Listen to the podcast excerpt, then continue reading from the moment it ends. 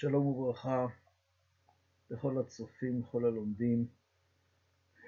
אני רוצה לעסוק עכשיו בשיעור הזה בהמשך הסדרה של סיבוכי אחדות בישראל. אחרי שאנחנו בשיעור הקודם עסקנו בהבנה אה, של כך שבעצם אה, יריית שלושת החיצים של יונתן אה, כדי לסמן לדוד על המצב האמיתי שיש כלפיו מצד, מצידו של שאול אביו,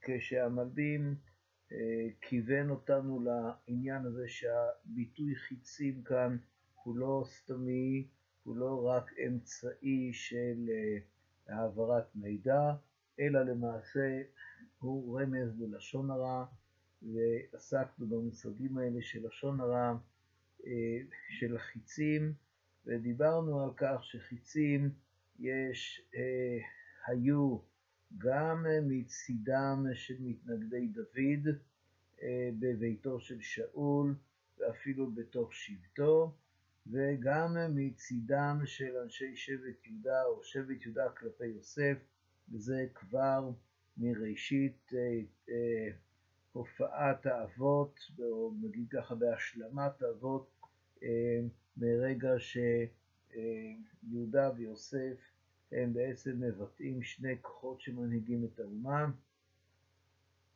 יש תופעה של יריית חיצים אלה מול אלה, אלה כלפי אלה, וזהו הרמז שרצה יונתן לרמוז לדוד.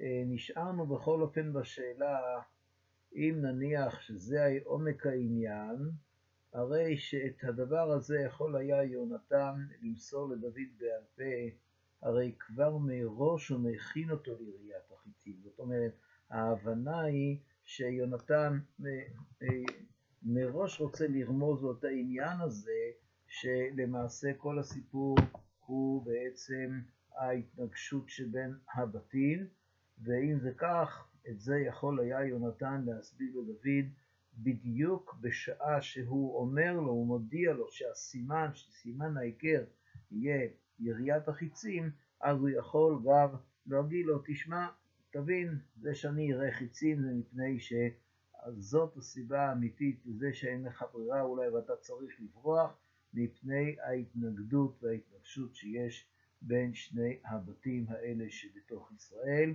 אה, שני הכוחות האלה עדיין אינם בשלים בשביל להתאחד יחד.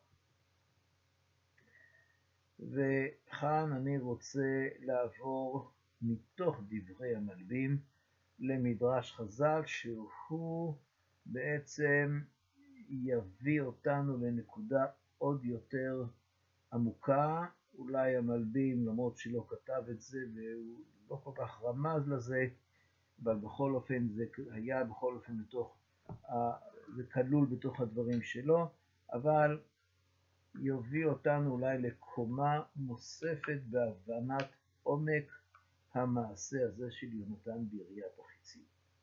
ואני רוצה לשם כך לקרוא אה, דברי מדרש רבה על פרשת החרימות. אנחנו אמנם היום בשבוע של תזריע מצורע ועדיין לא בהחרימות, אבל מותר גם מותר. ולפני שאנחנו נעסוק במדרש, המדרש הזה נמצא בדף המקורות שמוכן לשיעור, ושכותרתו הוא, אה, אה, שכותרתו היא מספד החיצים, אה, והנה המדרש הזה, כשהוא עומד לבאר את עניינם של שני בני אהרון, שנדב ואביהו, שבעצם קראנו כבר בפרשת שמיני את דבר הקטירם אש זרה ושהם מתו מיד בפני השם. אה, וכשמדרש רבה ויקרא על פרשת החרימות מתכוון, רוצה להסביר את העניין, אז הוא אה, מתחיל אה, את ההסבר שלו בפסוק ממגילת קהלת, ואני קורא את הפסוק, אה, הפסוק הוא בפרק ט' שם בקהלת, הכל כאשר לכל. מקרה אחד לצדיק ולרשע, לטוב ולטהור ולטמא, ולזובח ולאשר איננו זובח, כטוב כחוטא, הנשבע כאשר שבועה ירא. הפסוק הזה בקהלת, שידוע ידוע היחס המיוחד של חכמים למגילת קהלת, שמי שאיננו לומד אותה כהלכה מראשיתה ועד סופה, אה, איננו רואה את השלמות שבה, יכול להבין בה אה, שאלות אה, של אפיקורסות וכפירה, עד כדי כך שרצו חכמים לגדוז את ספר קהלת, ואז נתנו הגמרא בשבת מסבירה שהגיעו חכמים להבנה כיצד באמת ליישב את הפסוקים הללו הקשים. והנה כאן אחד מן הפסוקים שאולי יש בו קושי גם כן, מקרה אחד לצדיק ולרשע. אין הבדל, כאילו אין משמעות אם אדם צדיק או אדם רשע. אה, אה, הגזרה האלוקית, או, או איך שלא תסביר, פוגעת בכולם. וכמובן שהפתיחה בפסוק הזה לפרשת בני אהרון אומרת, טוב, מה אתה רוצה? די ואביהו, גם אם הם צדיקים, אבל המקרה אחד לצדיק ולרשע. כמובן שזאת הבנה מאוד מאוד מאוד אה, שטחית ולא משמעותית בעניין הזה, אבל אנחנו לא נעסוק כרגע במגילת קהלת, שהיא בעצם אה, רב שיח בין, מקשים קושיות, בין מקשי קושיות לבין משיבי תשובות, ולא נעסוק כאן בהקשר הרחב של הדבר הזה, כמה משתתפים בשאלות בקהלת, כמה משתתפים בתשובות, זאת אומרת, יש רק אחד, הוא גם השואל וגם המשיב, אבל הוא בעצם מציג את הדברים אה, על ידי דמויות שונות, לא, לא נעסוק בדבר הזה עכשיו, אלא אך ורק בפסוק הזה, הכל כאשר לכל, מקרה אחד לצדיק ולרשע, לטוב ולטהור ולטמא, ולזובח ולאשר איננו זובח, כטוב כחוטא נשבע כאשר שבועה ירא, וכך אומר המדרש כאן בדף המקורות בפסקה השנייה. רבי שמעון פתח. הביטוי פתח פירושו של דבר בשעה שצריך לגשת להבין פרשייה מסוימת, עניין מסוים בעומקה, אז החכמים היו נותנים נקודת מפתח, נקודת מוצא שממנה צריך להתחיל להבין את הפרשה. מה הוא פותח? בפסוק הזה. מקרה אחד לצדק ולרשע. רבי שמעון מסביר את הפסוק בקהלת. הצדיק זה נוח, הרשע זה פרעה מכור. מדוע? מה הקשר בין אה, נוח לבין פרעה מכור מרחק של דורות רבים?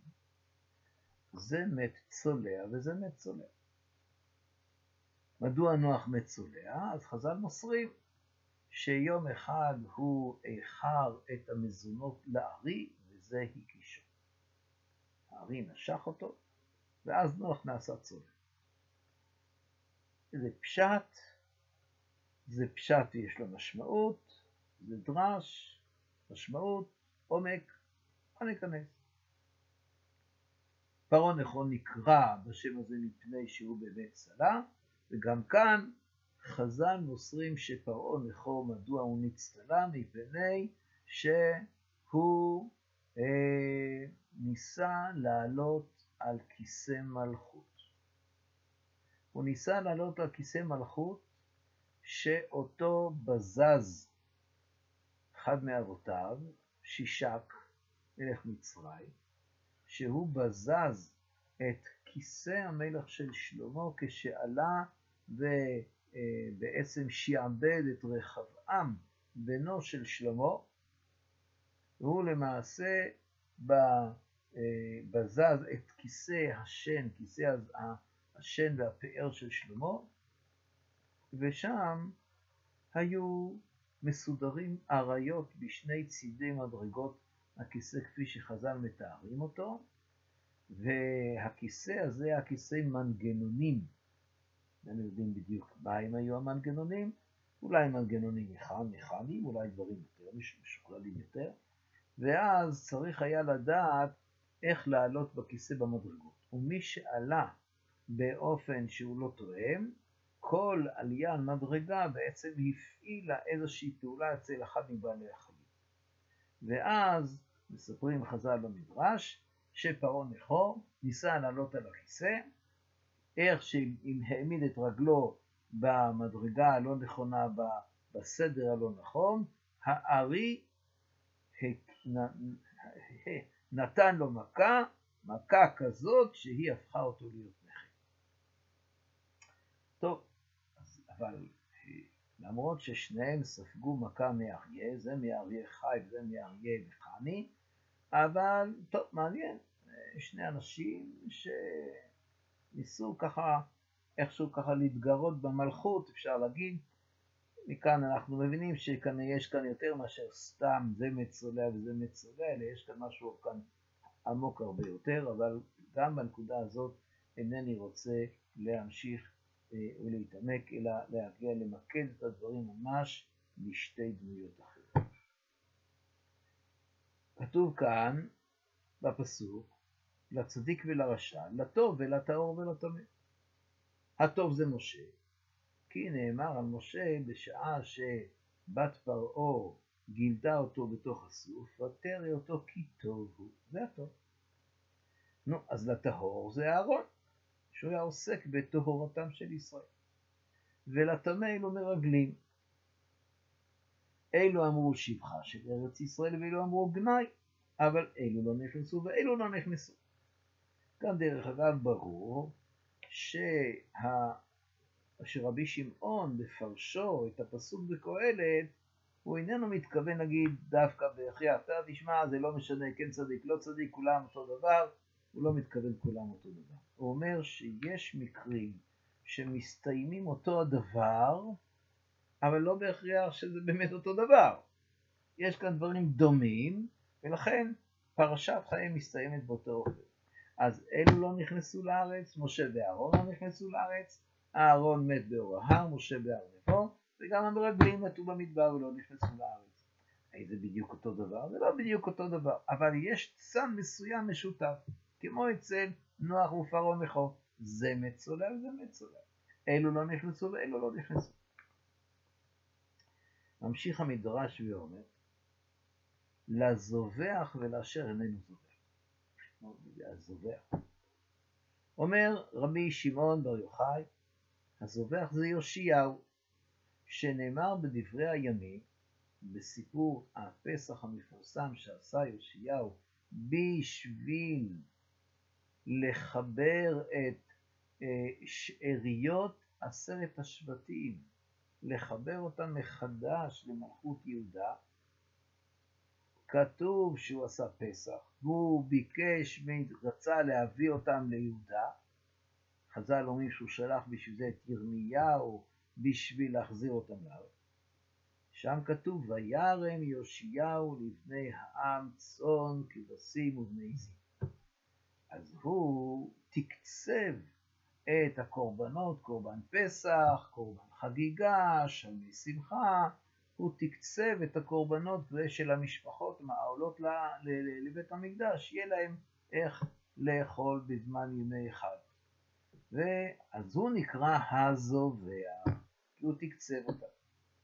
למה דווקא הוא? הרי בדיוק אותו דבר כתוב גם על חזקיהו. גם חזקיהו עשה מעשה דומה, וזה ממש מיד אחרי גלות עשרת השבטים. אבל לא, רבי שמעון אומר שהזובח זה יאשיהו, לא חזקיהו. לאשר איננו זובח, זה אח אב שביטל קורבנות. לא, מה פירוש ביטל קורבנות?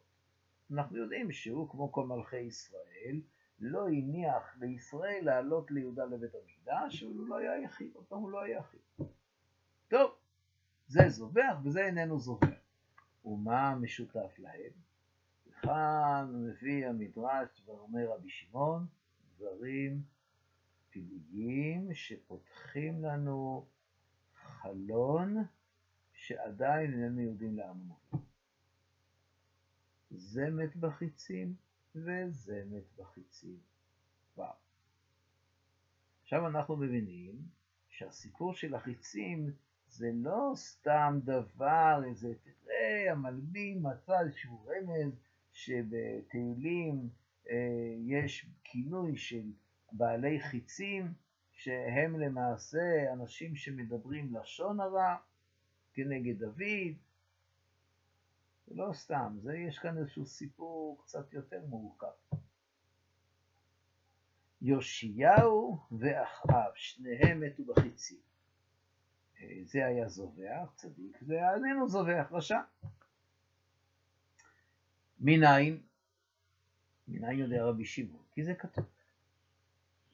כתוב בספר מלכים, מה שנקרא זה ממש באמצע ספר מלכים, אבל לפי החלוקה הנוצרית של א' וב', אצלנו יש רק ספר מלכים אחד, בפרק כ"ב של מלכים א', כתוב פסוק ל"ד: ואיש משך בקשת לתומו, ויכה את מלך ישראל בין הדבקים ובין השריון.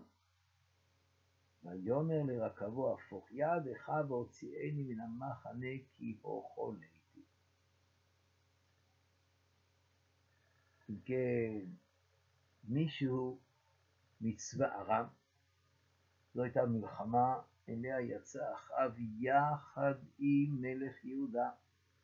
עשו ביניהם ברית והסכמות, ויצא ביחד איתו למלחמה נגד אה, בן הדד מלך ארם, ושם במלחמה נגד ארם, איש מצבא ארם, אחד הארמים, משך בקשת לתומו, והוא בכלל לא התכוון דווקא לפגוע באחיו, אבל לא, בסדר, כשיורים סתם, לפעמים זה פוגע.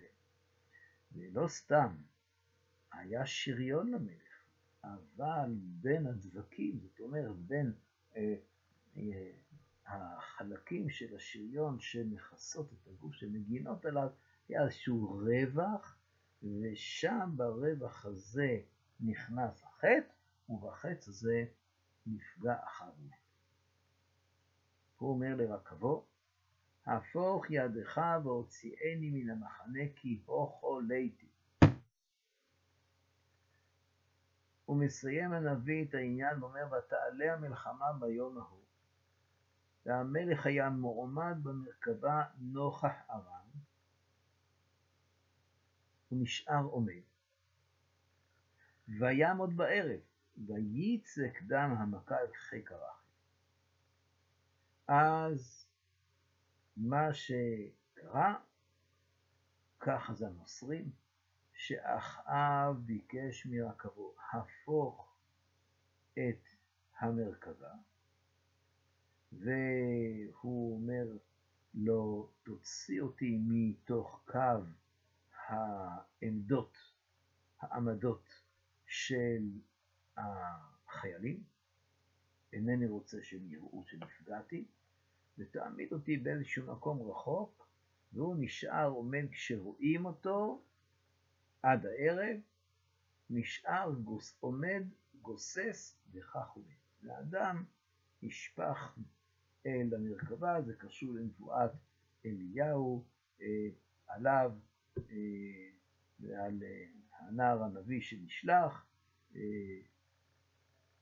שכך ניבא לו ביחס לדמו, אבל שהכלבים ילוקו את דמו, אבל זה כבר קשור לפרשה, לכל הפרשת המלחמה. ובכן כאן מפורש שאחאב מת בחץ, לא חצים אפילו, חץ אחד. ומה עם יאשיהו? גם זה כתוב.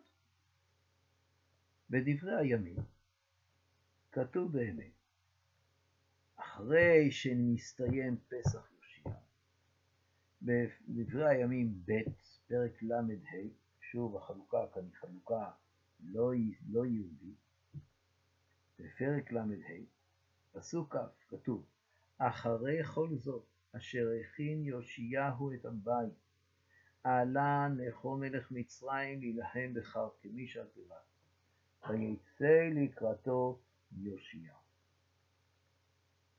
ובכן, יש, התחולל קרב על נהר פרת.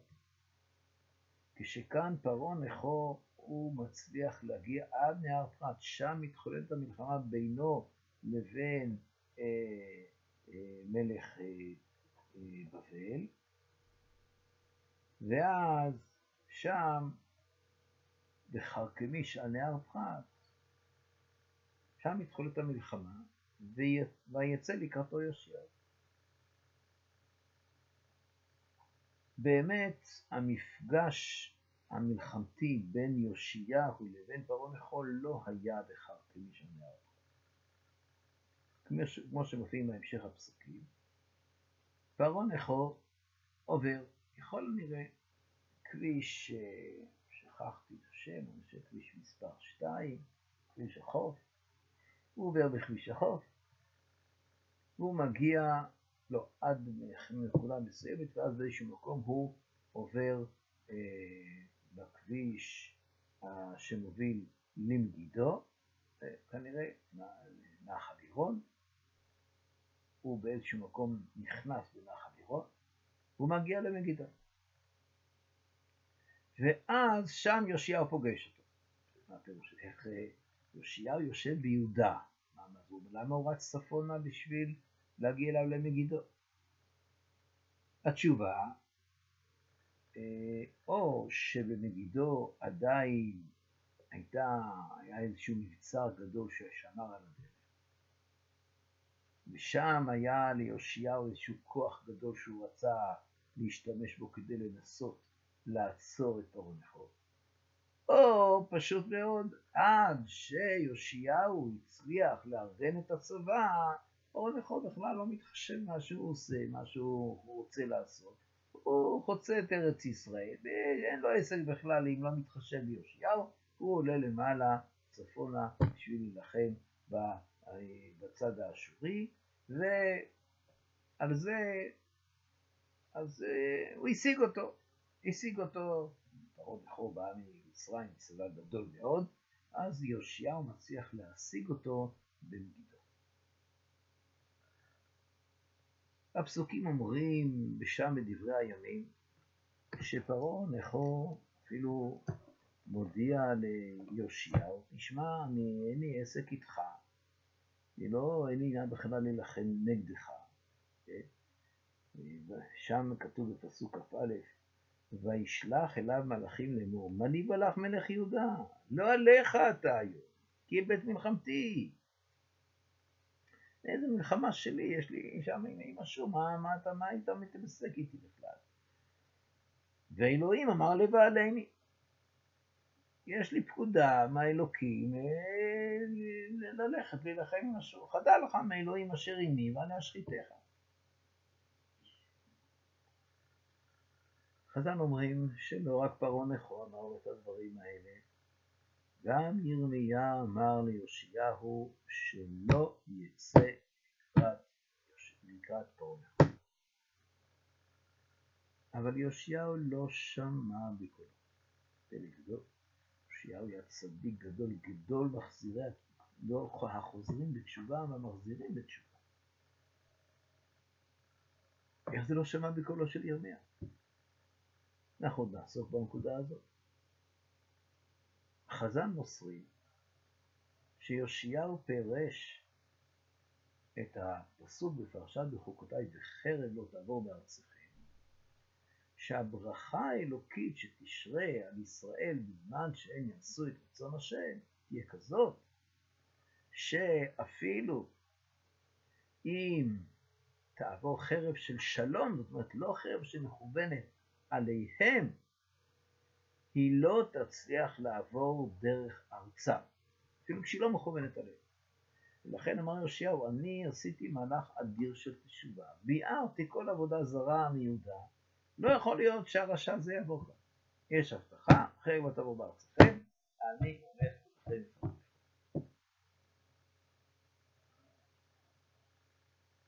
האם זה מסביר כך את העובדה שהוא סירב דברי ירמיה, ולא לגמרי מסביר, רק אומר, היה ליאשיהו על מה להסתמך. ובכל אופן, אז כתוב ולא הסב יאשיהו פניו ממנו, כי להילחם בו יתחפש, ולא שמע אל דברי נחום מפי אלוהים. הוא לא הבין שאפילו המסר של פרעה נחום, שהוא לא רגיל אצל מלכים, נגיד, תשמע, אני לא רוצה להילחם איתך, אני רק, יש לי איזה משהו אחר. ויבוא להילחם בבקעת מגידו. ויורו היורים למלך יאשיהו. היורים, יורים, זה וחיצי, בקשתו. ויאמר המלך לעבדיו, העבירוני כי הוכליתי מאוד. גם הוא אומר ממש באותה לשון כמו אחאב, הוכליתי. ויעבירו עבודה מן המרכבה, וירכבו על רכב המשנה אשר לו, ויוליכו ירושלים, וימות, ויקבר בקברות אבותיו. וכל יהודה וירושלים הם מתאבלים על יאשיהו. לא רק כל יהודה וירושלים, ויקונן ירמיהו על יאשיהו.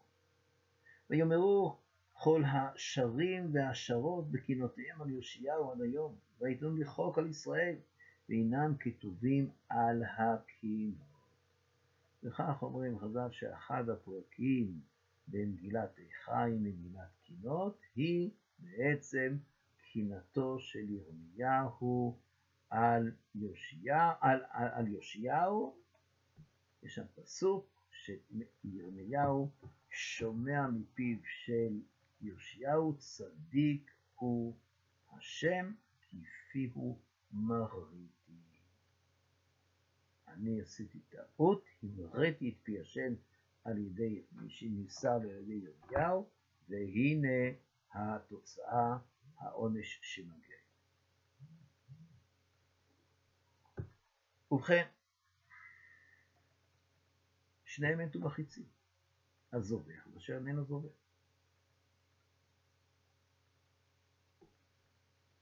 טוב, לאן זה מוביל אותנו? ובכן, בואו נפתח מן החלון הזה, אנחנו נלך לפתוח חלון נוסף, החלון הזה פותח אותנו לאיזשהו כיוון. בואו נפתח עכשיו חלון נוסף. מפני שאנחנו מוצאים מאמר חז"ל מפורסם מאוד מאוד, שמחבר את אחאב ואת יאשיהו.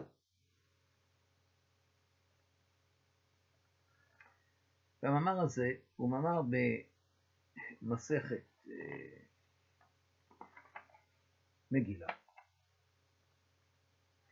על פסוק בזכריה. הפסוק בזכריה מדבר על מספד גדול שיהיה בזמן שיבואו הגויים להילחם בירושלים. והקדוש ברוך הוא יצא ויילחם איתם, והוא יעניש אותם עונש קשה, ולא כנראה אחת הנבואות שאנחנו אה, מזכירים גם בהפטרות, שנוגעת ליום הדין הגדול או לגוג וכאן בפרק י"ב בזכריה כתוב והיה ביום ההוא אבקש להשמיד את כל הגויים הבאים על ירושלים. ושפכתי על בית דוד ועל יושב ירושלים רוח חן ותחנונים, והביטו אליי את אשר דקרו. וספדו עליו כמספד על היחיד, והמר עליו כהמר על הבכור. פסוקים לא פשוטים, אבל יהיה קשה מאוד, בלחץ גדול. יהיה מצב שמישהו גדול וחשוב ימות, ידקר, ויספדו עליו כמספד על היחיד, ויהיה בכי תמרורים המר על הבכור, כמו שהורים חלילה צריכים למרר בבכי על בכור שהוא מת. ביום ההוא יגדל המספד בירושלים. כמספד הדד רימון בבקעת מגידו. וספדה הארץ משפחות משפחות לבד, משפחת בית דוד לבד, ונשיהם לבד, משפחת בית נתן לבד, ונשיהם לבד, משפחת בית לוי לבד, ונשיהם לבד, משפחת השמעי לבד, ונשיהם לבד, כל המשפחות הנשארות, משפחות משפחות לבד, ונשיהם לבד. זאת אומרת, יהיה מספד גדול בירושלים. המספד יהיה על אותו אדם שימות בדקירה יהיה מספד גדול. משפחות, משפחות, הם ונשיהם, בית דוד, בית נתן, בית לוי, בית שמעי. טוב, תשובה מיוחדת לעתיד לבוא. ועל זה אומר תרגום יונתן, ההסבר הבא. בעידנה ההיא, כן, ביום ההוא, יסגי, יסגי מספדה בירושלים, ירבה המספד בירושלים, כמספדה דאחאב בר עומרי, דיקטליה תחדד רימון בר תברימון, זאת אומרת, מה שכתוב, מספד הדד רימון, זה המספד שגרם הדד בן הדד מלך ארם. הדד, הדד רימון, זהו המספד שבו נהרג אחאב, אחאב בן עמרי, שהרג אותו הדד רימון בן תברימון. וכמספד יאשיהו בר עמון, דיכתה לתי פרעה חגירה בבקעת מגידו. מה שכתוב בבקעת מגידו זה לא אותו מספד. יש מספד אחד שהוא מספד הדדרימון של בן אדם, יש מספד שני שהיה בבקעת מגידו. בקעת מגידו זה המספד שבו מת, ש... שהוא נעשה בעקבות מותו של יאשיהו על ידי פרעה נכו בבקעת מגידו.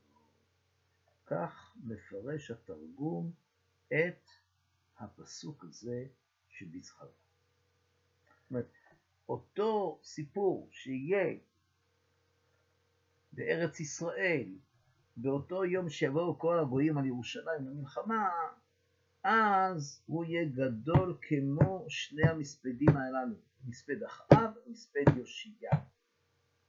זאת אומרת שהתרגום מזהה כאן את שני אלה ביחד, הוא לא מזכיר את החיצים, אבל הוא מזכיר את שניהם ביחד.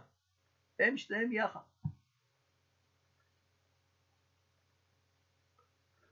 ועל זה הגמרא במגילה מביאה את הדברים הבאים. דף ג' במגילה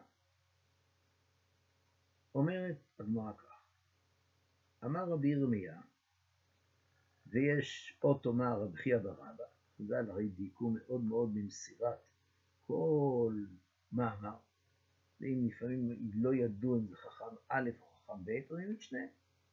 אמר רבי ירמיה, עוד תאמר חייא ברבא, תרגום של תורה וכאילו סגר אמרו מפי רבי אליעזר ורבי יהושע. תרגום של נביאים, יונתן בן עוזיאל אמרו. רבי אליעזר ורבי יהושע התנאי, ויונתן בן עוזיאל גם הוא מדור התנאי. אבל יונתן בן עוזיאל אמרו מפי חגי זכריה המלאכי.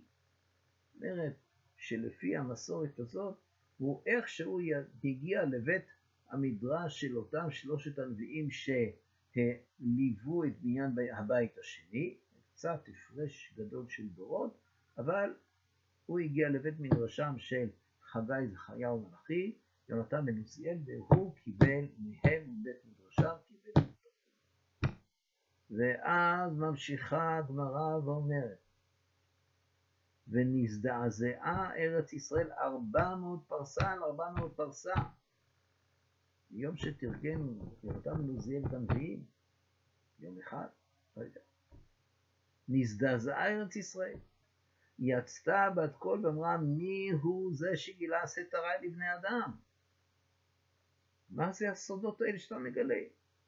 עמד יונתן בן עוזיאל על רגליו ואמר, אני הוא שגיליתי סתרייך לבני אדם. גלוי וידוע לפנייך, שלא לכבודי עשיתי ולא לכבוד בית אבא, אלא לכבודך עשיתי. שלא ירבו מחלוקת בישראל. זאת אומרת, שבת קול הזאת שיצאה, היא בת קול של כנסת ישראל. לכבודך עשיתי. כדי שלא ירבו מחלוקת. שואלת הגמרא, למה כשתרגם אונקלוס סגר את התורה, ארץ ישראל לא נזדעזע, ויונתן עוזיאל נזדעזע? מה ישנה? אומרת הגמרא, תרגום התורה, התורה מפרשה מילתא. דברי התורה הם ברורים, הם בהירים, מפורשים. דברי הנביאים, עיקר מילי מפרשה ועיקר מילי דמיסתמה. יש בנביאים דברים מפורשים ויש דברים שהם סתומים, יש בהם סודות. ועל זה כנסת ישראל. רגע, מה אתה מגלה את הסוד? הסוד. למשל, דכתיב ביום ההוא יגדל המספד בירושלים כמספד עד רימון בבקעת מגידו, ואמר רב יוסף, אלמלא תרגומא דאי קרא, אלמלא תרגם רבי נתן בן עוזיאל, לא ידענה מה יקמה. שהוא פירש, ביומה ההוא יסגי מספדה בירושלים, כי מספדה דאחד ברומרי דקטל יתי עדד רימון בן תדרימון, ברמות גלעד, וכמספדה דיושיע ברמות דקטל יתי פרעה חגירה בבקעת מגידו. זה הסוד. ועל זה נזדעזע ארץ ישראל. עכשיו אנחנו נמצאים כבר לא בחלונות, אלא בתוך איזושהי מנהרה שלא ברור לנו עדיין להיכן היא מובילה. זה מת בחיצים וזה מת בחיצים. יאשיהו ואחאב זה מזוהה במדרש המדרש רבה על פרשת החרימות, על נדב ואביהו, מה אתה מתפלא שנדב ואביהו מתו בקטורת? זה קורה גם בצדיקים ולען הרשעים, יש לזה חשבון מיוחד. זה מת בחיצים וזה מת בחיצים, כמו הדוגמאות הנוספות שהזכרנו שם. והנה הצמד הזה שממש לא, לא היו באותה תקופה, יאשיהו הרבה אחרי שכבר גלות ישראל אה, אה, התקיימה, אחאב מת מזמן, אין זכר, עכשיו יש עשרת השבטים, הוא מנסה לחבר אותם, להביא אותם מחדש. וכאן את החידה הזאת עומד, אני רוצה לפתור אותה בעזרת המאמר המפורסם של הרב זצ"ל המספד בירושלים. והרב זצ"ל מסביר, גם זה נמצא כאן בדף המקורות של מספד, מספד החיצים, הוא מסביר את הקשר בין אחאב לבין יושיע. ואני רוצה ממש במחילה שלא מצאתי עוד אה, מישהו שאומר ככה כדי שלא חלילה סתם זה יהיה איזשהו רעיון שאני כאילו כביכול ממציא אותו, אה, לא רציתי לעשות את זה, אבל בכל אופן, אני מקווה שאני מכוון נכון. מתוך דברי הרב אני חושב שיש לזה מקום רציני. ואיך זה יביא אותנו ליונתן, זה אנחנו עוד מחכה לנו מקום במנהרה. ובכן אומר הרב זצ"ל במאמר המספד בירושלים שנכתב אחרי מותו של בנימין זאב הרצל, כשהרב רומז על כך שזה חלק שמותו נגרם כתוצאה מהמחלוקת הקשה שהייתה בתוך התנועה הציונית או נגד התנועה הציונית. הרב זצ"ל כדרכו לא עושה בפרשנות פוליטית אלא מעניינים אלוקיים רוחניים. הוא מסביר מה הקשר בין אחאב לבין יושיע. הוא אומר, התכונה של החיבה, החיבה הלאומית, נתגלתה באחאב שחיבב מאוד את ישראל. אחאב הוא היה אוהב ישראל גדול. הוא היה ממש קיצוני בלאומיות הישראלית. והוא המשיך את מעשה אבותיו, עמרי. עמרי בנה מחדש עיר בארץ ישראל. שומרון.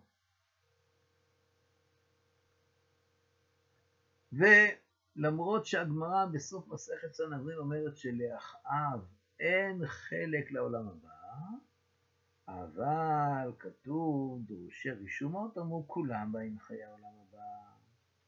מהפסוק מתהילים, מזמור ס'. גם אלה שאמרו שנאמר להם לא נכנסו לעולם הבא, לא נכנסו, אבל דורשי רישומות אמרו כולם בהם חיי העולם הבא. איך? לעמוד דברי המשנה, שנאמר במזמור ס' בתהילים, לי גלעד לי מנשה, אפרים מעוז ראשי, יהודה מחוקקי. לי גלעד, אומר המדרש, זה אחאב שנפל בגלעד. וגלעד יש לו חלק לעולמו. אחאב יש לו חלק לעולמו. שהיה מעמיד פנים במלחמה. מעמיד פנים שהוא חי, למרות שהוא, שהוא גסס. גם אחר שניחתו בו החיצים, כדי שלא להבעיט, שלא להפחיד את ישראל. אומץ רוח כזה בא מאהבה יתרה ונפלאה. אומץ רוח כזה, למרות שהוא נתן לאיזבל להרוג את כל נביאי ישראל, חוץ מאותם מאה נביאים שעובדיהו הצליח להסתיר במערות, נתן להרוג את הנביאים. זה לא פלא שהמשנה אומרת שאין לו חלק לעולם. אבל הייתה בו חיבה גדולה מאוד לעם ישראל. הוא אומר, לא יכול להיות שהעם הזה ימובס. תאמין אותי במרכבה, אני מוכן להיות גוסס, להתאמץ, עומד, רק שלא יראו שאני מת. ועוד מזכיר הרב זצ"ל סיפור אחר. שבאחד הקרבות שבין אחאב לבין הדד, בן הדד שר על שומרון, והוא אמר לאחאב שביקש להיכנע, הוא אמר לו, אני מוכן, בתנאי שאתה תיתן לי ספר התורה שלכם, ואני רוצה שם לעשות שינויים בספר התורה שלכם. כך מוסרים חז"ל במדרש. ואחאב לא היה מוכן. לא היה מוכן לתת לו ספר תורה, אה, מה המשמעות העמוקה של הדבר הזה. אז הוא, היה לו כבוד לתורה. לא כל כך לנביאים, אבל התורה היה לו כבוד. לכן אומר הרב, גם כיבד את התורה, מפני שעל כל פנים שמר את כבוד האומה כלפי חוץ, לפני בן אדם. וכשהוא, יש לנו דוגמאות של אנשים שהם אולי לא שומרים שבת, אבל כשהם נוסעים לפגישות עם מנהיגי אומות העולם בשם עם ישראל, אז הם משתדלים לשמור את השבת. ועל כל זה לא הכיר ערכה של תורה וקדושת השם יתברך המיוחדת, שבה כל יתרונם של ישראל. לא היה מוכן לראות את הצד הקדוש שבישראל. ערכה של תורה וקדושה של ארץ ישראל. של עם ישראל, של תורת ישראל. על כן הלך בדרכי זבל ולחוקות התועבות של גויי הארץ. לפי המידה שהייתה שולטת אז ברוח הזמן. אנחנו לאומיות ישראלית עם עבודה זרה. לעומת זה, יאשיהו הגביר את הצד הרוחני. עד אין דומה בכל המלכים, שהרי כך אומר הפסוק עליו בספר מלכים, סוף ספר מלכים. כמוהו לא היה לפניו מלך, אשר שב אל השם בכל לבבו ובכל נפשו ובכל מאודו. לא היה מלך שחזר בתשובה כמו שיושיעו עכשיו. והוא היה, הגביר את הצד הרוחני, הוא עשה ביער עבודה זרה, עשה מהלך רוחני עצום. עד שלא רצה כלל להיות יחס ישראל לאומות עולם. אומר, לא יכול להיות שאנחנו נהיה תלויים משועבדים לאומות עולם. זה לא יכול להיות. לא יכול להיות שפרעה נכו יעבור בארץ הקודש. ובזה ויתר, זאת אומרת, לא קיבל, על דבר ירמיהו הנביא, שצווה מפי השם להניח לעבור בארץ ישראל את חיל מצרים. על כן באחאב ויאשיהו התכנסו שתי הנקודות של יוסף ושל יהודה, כוח משיח בן יוסף ומשיח בן דוד. מסביר הרב יוצא, אתה יודע למה המספדים הגדולים הללו של אחאב ויאשיהו, למה הם מוזכרים ביחד? יש להם דבר משותף. הדבר המשותף, שאין ביניהם שום דבר משותף. נו באמת, איך זה? פשוט. הרב הסביר בהתחלת המאמר הזה, מספד בירושלים, שבית יוסף, משיח בן יוסף, צריך לבנות את הכוחות החומריים של האומה. הכוחות החומריים של האומה הם רוחניים, הם צריכים לבנות את הצד החומרי של האומה.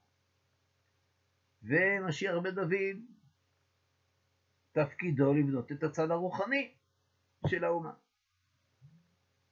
ואז שני הכוחות האלה הם ממש מנוגדים. זאת אומרת, כשהם מנותקים לגמרי אחד מן השני, אז הם, אז הם מנותקים. הם קיצוניים. המשותף לאחיו ויאשיהו שהם קיצוניים, זה לא מוכן בכלל לשום עניינים של שותפות עם גויים, עם, עם, עם הגויים, וזה לא מוכן לשום שותפות עם עניין של התורה. זה מושך הנה וזה מושך הנה.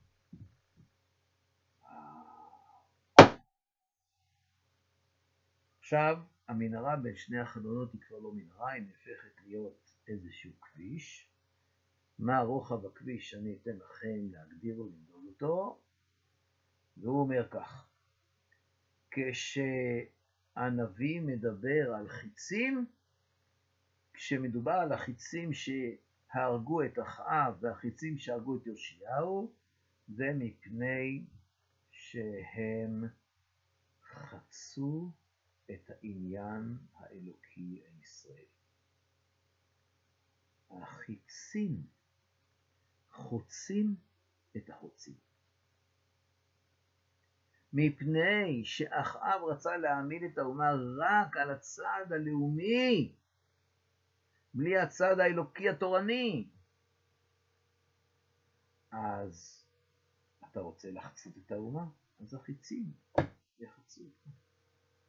ויאשיהו מנסה להעמיד את יהודה אך ורק על הצד האלוקי הרוחני ולא מוכן להתחשב בשום דבר גשמי, בחשבונות מדיניים עם מלכי אומות העולם אחרים, עם כל מיני מהלכים פוליטיים, אתה לא מעניינים אותך שום דברים עניינים מדיניים שמבינלאומיים, אתה חושב שאתה חי רק אתה, אנחנו נחלה אלוקית, לא קשורים בכלל לכל מיני עניינים מדיניים.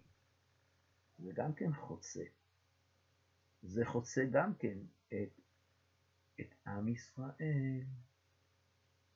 ואי אפשר להקים אומה לא רק על הצד הזה ולא רק על הצד הזה.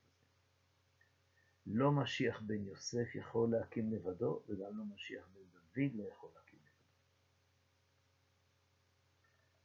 ולכן אמר הרב, הכוח של משיח בן יוסף התגלה באופן קיצוני מיוחד אצל אחאב, הכוח של משיח בן דוד התגלה באופן מיוחד, קיצוני אצל יאשיהו, אי אפשר להעמיד ככה את האומה. אי אפשר. החיצים חוצים. זה קשור למקדים? לא, מי דיבר על לשון הרע? מה פתאום? אה, בוודאי שכן. אני מזכיר, בשיעור הקודם הזכרנו את דברי רש"י על ויסתמו בעלי חיצים את יוסף, בעלי פלגותה. בעלי מחלוקת, אלה שצריכים לחלוק איתו את ההנהגה של בית יהודה. למה יש להם חיצים? כי אומרים, אתה, סליחה, אתה רוצה להקים כאן ממשלת אה, חצי מהעם. אתה רוצה להקים ממשלה חצי מהעם? לא מוכנים שתהיה ממשלה לא מוכנים שתהיה ממשלה של חצי מהעם. כל החיצים זה לא סתם, הוא חמור, הוא טיפש, זה כל מיני מילות גנאי, זה... לא, זאת הביקורת על זה, אתם רוצים להעמיד את האומה רק על הצד המדיני, הבינלאומי, אתם רוצים רק כל מיני דברים של גויים, וזה בלי קשר לתורה, והם לא, לא, לא, לא, מה פתאום, אתם רוצים רק על התורה ורק זה, בלי שום קשר לזה. אלה החיצים. לשון הרע זה לא האמירות האלה שזה סתם מילות גנאי. האשמות חריפות וחמורות. אז מי שינסה להרכים את האומה על צד אחד, הוא חוצה את האומה. וזה לא הצליח, לא אצל אחאב ולא אצל יושיע. זה לא הצליח ולא יכול להצליח. ומכאן אנחנו מבינים שיש כאן באמת איזשהו דבר גדול מאוד. מספד החיצים. אז אה, יש לנו כאן שתי דוגמאות של חיצים, ואיך זה מגיע לחיצים של יונתן, אנחנו בזה נעסוק בעזרת השם בשיעור הבא, אה, כשנוכל להעלות אותו. שלום, שלום.